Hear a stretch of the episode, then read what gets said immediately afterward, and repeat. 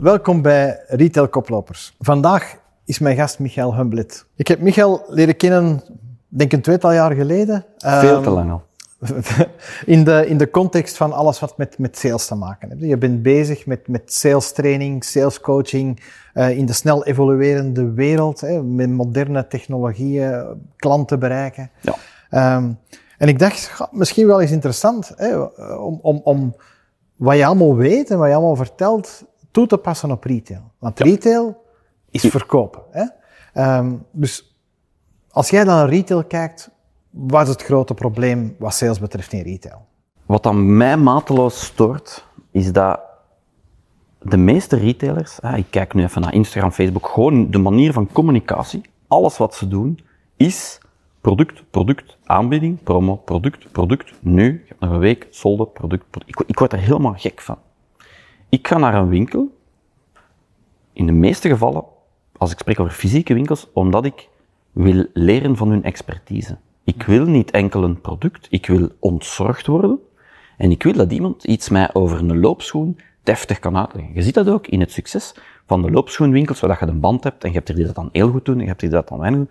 Maar ik geloof wel in die ontzorging, in die aanpak. En ik denk als, als winkelier, als je een paar winkels hebt, dat dat net verschil kan maken. Waarom dat mensen gaan blijven komen.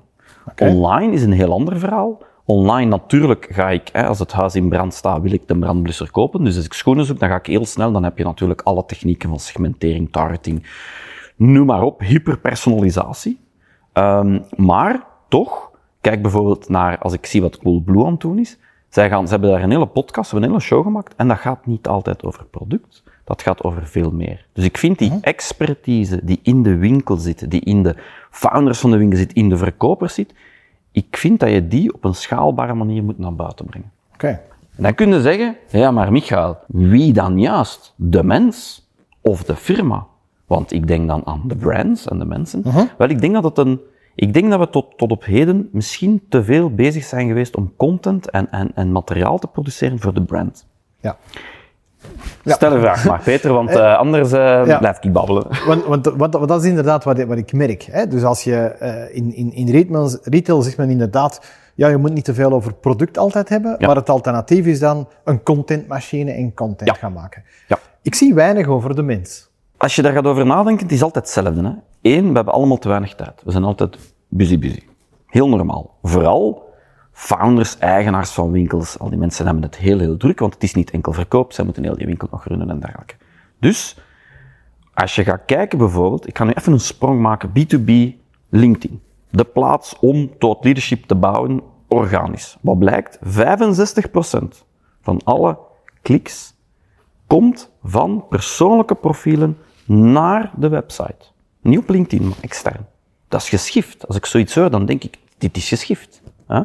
Daar moeten we iets mee doen. Dus ik, ik, ik ben ervan overtuigd dat wat er moet gebeuren is, één, we weten allemaal dat we weinig tijd hebben. Twee, we moeten die mens een beetje naar voren beginnen halen. De expertise zit in de mensen. Waarom niet gewoon online beginnen vragen oplossen dat klanten stellen? Zo simpel kan het zijn. De meest gestelde vragen, los die gewoon op. Praat daarover. En niet altijd zeggen, je moet een Adidas of een Nike kopen. Nee, het gaat over schoeisel. Het gaat over uw voet. Het gaat niet over die schoen. Het gaat over u. Want wat is het belangrijkste? Dat is niet de winkel, dat is niet de mens in de winkel. Dat is eigenlijk de klant die binnenkomt. Dus we moeten dat verhaal omdraaien en beginnen praten, beginnen vertellen over hun. En de beste verkopers zijn ook altijd hetzelfde. Dat zijn niet degenen die, waar je binnenkomt, die zegt, dat zijn de mannen die eerst die, die bouwen wat ze noemen likability op. Hè. Dat je denkt, als we een toffe kerel of dame. En dan gaan die vragen, wat is juist het probleem? En dan gaan ze zeggen, ah, we kunnen dat en dat en dat doen. En dan gaan die leiden tot een keuze. Een heel praktische sales tip, altijd twee keuzes geven. Want als ik zeg wat je moet doen, ga je het toch niet doen. Ja, zeker, ja niet. Dus ik moet u twee keuzes geven. Ik moet u de illusie van vrijheid geven. Je kunt dit doen, of je kunt dat doen. En dan heb je de neiging, en zo kan je een heel gesprek gaan, gaan sturen. Dus ook, in retail dan? ook in retail. Consument toe- Absoluut. Absoluut. Eh, niet alleen dat. Wat, wij, wat, wat je ook gaat merken, is dat mensen... ah, Door die keuze kan je echt gaan sturen. Eh, Mensen hebben dan niet graag dat je ze in een hoek zet en je moet dat doen. Het andere wat ik gemerkt heb, is, ik gaf vroeger te veel keuze. Ik zei, u bent de klant, u kan doen, want ik heb vroeger veel kostuums verkocht en schoenen en broeken en dergelijke, eh, in mijn studentenjaren. U kan kiezen, ik heb hier vier, vijf merken en dat en dat. Maar die mens kijkt naar u en wat heeft die nodig? Expertise. maakt de beslissing voor mij. Wat ik dan zou zeggen is, je kunt kiezen A of B. Ik denk, in uw geval zou ik B kiezen, maar u hebt de vrijheid. Dat, dan ga je sturen. Maar nu zijn we bezig over de, wi- de winkel op de vloer. Ik wil eigenlijk een stap terug. Ik wil het Ja. wat hoger trekken. Dus ik geloof, we hebben allemaal geen tijd. Twee, we hebben heel veel expertise in-house. Dus er is geen nood aan grote agencies die out of nowhere content gaan produceren en gaan doen. Dat is tof, maar dat gaat het niet oplossen. Het derde probleem dat ik zie is, 90% van alle content die we maken, waarmee dat we naar buiten gaan, gaat over het product. En ik denk dat dat fout is. Ik denk dat 75% van alles wat je maakt niet over het product moet gaan, maar over kennis. Want hoe werkt dat? Als ik iets verkoop, of ik bied iets aan, een, een, een dienst, ja, in dit geval zijn dat producten, zijn dat retailers, die, de journey eigenlijk start niet daar. De journey start bij de inspiratie. Kijk naar de reclames van Nike bijvoorbeeld. Dat is altijd, zo zou je kunnen worden. Ja, dat is heel inspirationeel. En dan denk je, oh ja, en wat ga je gaan doen? de logica zegt, ik ga naar de winkel en ik ga dat kopen. Nee, mensen gaan eigenlijk nog een tussenstap maken. Mensen gaan beginnen nadenken van, hoe kan ik dat zelf? Hoe kan ik iets leren over training of over eten of over producten, over stofjes? Dat gaat heel ver. En eigenlijk wat ik fout deed vroeger was, ik ga iets inspirationeel doen en dan probeerde ik te verkopen.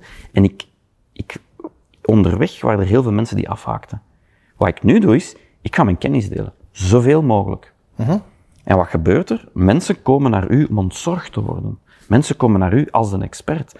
Kijk naar Wouter Torfs. Wouter Torfs wordt overal uitgenodigd voor interviews. Dat is tof, maar dat is niet echt schaalbaar.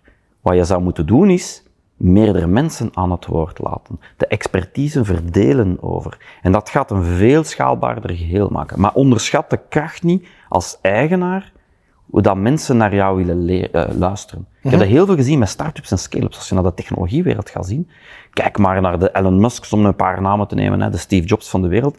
Mensen zijn geïnteresseerd in de gedachten erachter. Dus als founder, als eigenaar, moet je eigenlijk regelmatig die gedachten delen.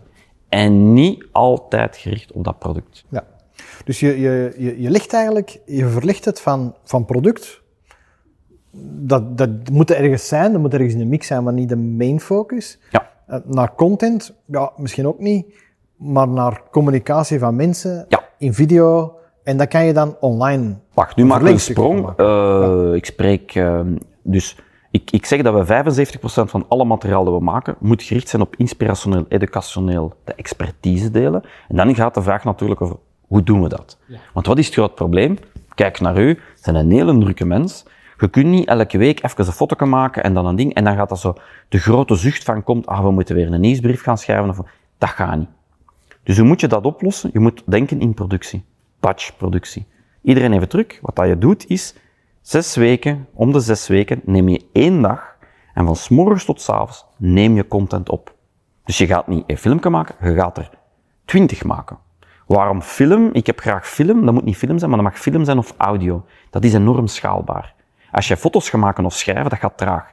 Film heeft bewegende beelden, stilstaande beelden, geschreven tekst en heeft dan ook nog eigenlijk mogelijkheid tot podcast en audio. Dat kan je. Dus je hebt vier zaken voor de prijs van één. Dus zorg gewoon dat jij zes weken, eigenlijk om de zes weken, één dag inplant, dat je dat volledig uitbouwt. Ik geef je een heel leuk voorbeeld van een firma dat ik voor mijn boek eh, heb geïnterviewd. Die noemen de gasten noemen Lemlist. Die hebben een soort cold emailing software. En wat zij doen is, dus om de zes weken hebben zij vier mensen geselecteerd in het team. Je hebt de founder, je hebt de, de, de man die de technische zaken regelt, dan heb je iemand op support, en dan heb je iemand eigenlijk die de klanten, wat ze noemen customer succes, zorgen dat de klanten gelukkig zijn. En die vier personen, man, vrouw, ze hebben zo wat gemixt, die bereiden dat voor en de firma faciliteert die dag. En iedereen mag kiezen wat zijn medium is. Eh, Er is er eentje die graag op video zit, er is er eentje die graag schrijft, er is er eentje die graag praat, er is er eentje die graag alles doet. En wat gaat de firma doen? Die gaat dat gewoon faciliteren. En je maakt op die één dag eigenlijk genoeg materiaal voor drie, vier maanden. En dan gaat het niet meer over content produceren, dan gaat het over distributie. Waar plaats ik het? Hoe kan ik het meeste effect? Moet ik wat geld bijsteken om er reclame van te maken en dergelijke? Ja. Content en distributie moeten uit elkaar getrokken worden. Ja, begrijp ik. Ja. En dat is een van de grote fouten van als ik een winkel heb, dan denk ik, ah, ik moet een post, ik moet dat. Dat, dat, dat, dat, dat lukt niet. Dat lukt niet. Oké. Ik, ik ben helemaal mee, hè? uiteraard. hè. Ik ben blij dat je helemaal Ja. mee bent. Ehm, maar ik zie het niet in de markt. Ik zie retailers Ja. winkel hebben. Eh, ik zie sommige content Ja. delen. Ik zie zeer zelden dit medium En dat is, de reden voor dat is heel, heel eenvoudig. Eh, een aantal jaar geleden werd ik uitgenodigd door de CEO van een van de grootste kopieerbedrijven. Je mag dat zo niet zeggen, maar dat was het. En die kerel zei tegen mij, Michael, ik wil dat je al mijn sales traint, wereldwijd, en ik wil dat je het volgende doet. Ik wil dat mijn sales, mijn verkopers, naar de klant gaan, die luisteren naar wat de klant... Die stellen twee, drie vragen, en als de klant een bepaald woord zegt, dan trekken ze hun aktentas open en zal er de productbrochure en dan zegt, dat moet je kopen. Dat is techniek van 30, 40 jaar geleden. En dat heeft lang gewerkt, maar dat werkt nu niet meer. Eh, ook omdat er zodanig veel ruis is, er is zodanig veel aanbod, dat werkt niet meer. Dus eigenlijk moet je dat helemaal anders. En eigenlijk wat de mensen willen doen, als je daar echt begint over na te denken, ze denken, ik moet meer verkopen, dus ik ga een shortcut doen. Ik ga proberen mijn product koop, koop, koop, koop, koop. Wij haten het om verkocht aan te worden. Maar wij kopen graag. Dat geeft endorfines en zo. Je ziet mij er zitten, ik word helemaal gelukkig. Ja. ja. Maar je kunt dat niet shortcutten. En dat is wat de mensen blijven vergeten. Je kunt dat niet shortcutten. Je moet dat anders opbouwen. Je moet dat gewicht verleggen. En je gaat zien, misschien in het begin gaat, ga je denken van, ja maar, wat is deze allemaal? Maar uiteindelijk komen de mensen meer, ze gaan meer kopen, ze komen meer terug en je gaat een veel groter publiek krijgen. Ik wil even challengen. Ja? Dat doe Ehm, je graag. ja. Ehm, ik kan me voorstellen dat je, dat je expertise deelt over fietsen. Of dat je expertise deelt over lopen. Hè, want loopschoenen, dat is een complex product om, om te lopen. Ehm, maar welke inspiratie kan je geven aan een, aan een, een multifashion kledingwinkel? Wat kunnen die vertellen? Wat, wat zij dus nu doen, als je kijkt naar een multifashion kledingwinkel, wat gaan zij doen? Zij gaan eigenlijk één influencers gebruiken. En wat doen influencers? Die vertellen het verhaal van hun leven. Die vertellen ook hoe dat fashion een bepaald aspect van hun leven gaat helpen of niet gaat helpen. Eigenlijk, wat kopen die winkels? Zij kopen vertrouwen. Zij shortcutten vertrouwen door met influencers te gaan werken. Over wat moeten zij praten? Zij moeten datzelfde verhaal beginnen opbouwen. Zij moeten datzelfde verhaal gaan vertellen. Niet via influencers, maar zelf. Zij moeten zelf ook dat deels beginnen opbouwen. Eén, de shortcut werkt met influencers, hè, dat, dat is lang bewezen. Twee, dat gaat hun heel veel geld kosten. Waarom gaan ze niet een stukje van dat geld zelf, die kennis zelf, over de mens zelf gaan praten? Iemand die in de winkel en die sommige dingen aan, probeert dat zelf eens aan te pakken. En dat is zo evident dat mensen dat niet, niet willen doen. De titel van mijn boek is ook, als ik, als, ik, als ik een speech begin te doen, dan zeg ik ook, wat is het grootste probleem tot schaal? Dat is zo basis dat mensen daar niet bij stilstaan. Dat is, niemand kent u. Oké, ik spreek over, als je, je hebt heel grote merken, maar eer dat die daar zijn geraakt, als ik ergens in het begin zit of ergens in het midden van een journey, niemand kent u. Plak daar een gezicht op. Vertelt over de mensen. Draait dat helemaal om. Ja, want Dat gaat veel goedkoper zijn trouwens. Hè? Mensen staan daar niet bij stil, maar dat gaat dus tien keer zo goedkoop zijn. Maar dat gaat even duren. En dat is het probleem, want wij willen, morgen resultaat. ja, en dat gaat niet pakken. En je kunt dat shortcutten, maar dat gaat u veel geld kosten. Ja, dus uw, uw, uw boek hè, gaat over hoe dat je dat allemaal neerzet naar personen toe. Ja, Maar eigenlijk zeg je, het, het gaat ook over merken. Ja, het is de mix tussen persoon en merk. Je kan natuurlijk niet enkel persoon, je moet ook het merk. Maar ik zou het merkverhaal ook iets aanpassen. Het mag niet alleen maar productgericht zijn. Ik zou die mix veel, want ik geloof de toekomst, als je naar de toekomst gaat kijken, sales en verkoop gaat meer en meer over wat ze noemen hyperpersonalisatie. Winkels online doen dat al. Segmentering, targeting en je gaat eigenlijk proberen zo persoonlijk mogelijk naar die persoon op dat moment uit te vissen wat dat die doet, zodanig dat die kan zeggen, ah, ik heb dat nu nodig. Maar eigenlijk moet je dat, hoe noem dat, transponeren op de fysieke wereld, op de offline wereld, moet je datzelfde gaan beginnen doen. Als verkoper, maar ook als winkel. Ja. Dus ik geloof dat die, die, die mix van de twee wordt magisch eigenlijk om echt goed te kunnen verkopen. En, en dan heb je eigenlijk waar je, hè, men, men zegt heel dikwijls in een omnichannel wereld, moet online het beeld van de winkel geven. En dan denk je, ja, raak je soms niet verder dan als het in dezelfde kleur is en dezelfde visuals, dan is het al Ja. omnichannel.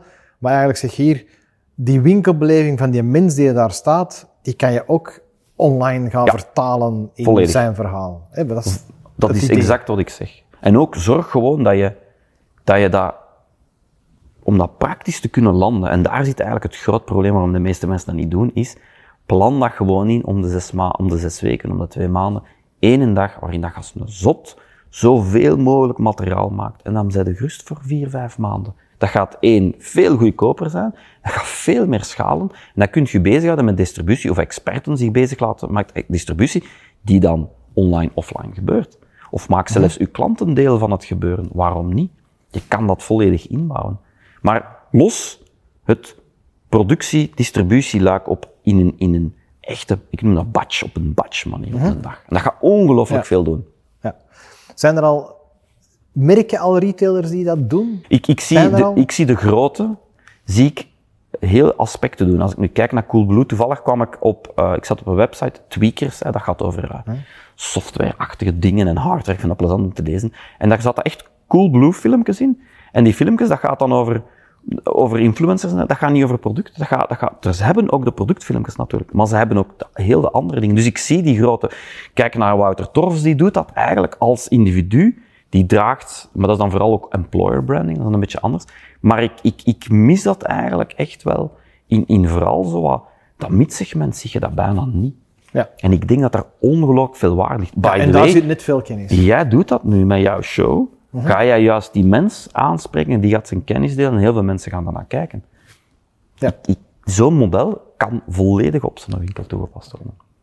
Dus we kijken er naar uit om dat bij de eerste retailer op schaal De te eerste zien. die dat durft, in plaats van 100.000 euro aan een influencer te geven, misschien een keer 50.000 euro aan zijn eigen geven, aan zijn eigen mensen. En dat is op schaal te zetten. Ja, en eens te kijken wat er gebeurt. Dus, eh, nobody knows you. Staat er allemaal in uitgelegd. Peter, ik zal maar zelf reclame Ja, maken. ja tuurlijk, eh, tuurlijk, tuurlijk. Ja. Anders gaat het er niet gebeuren.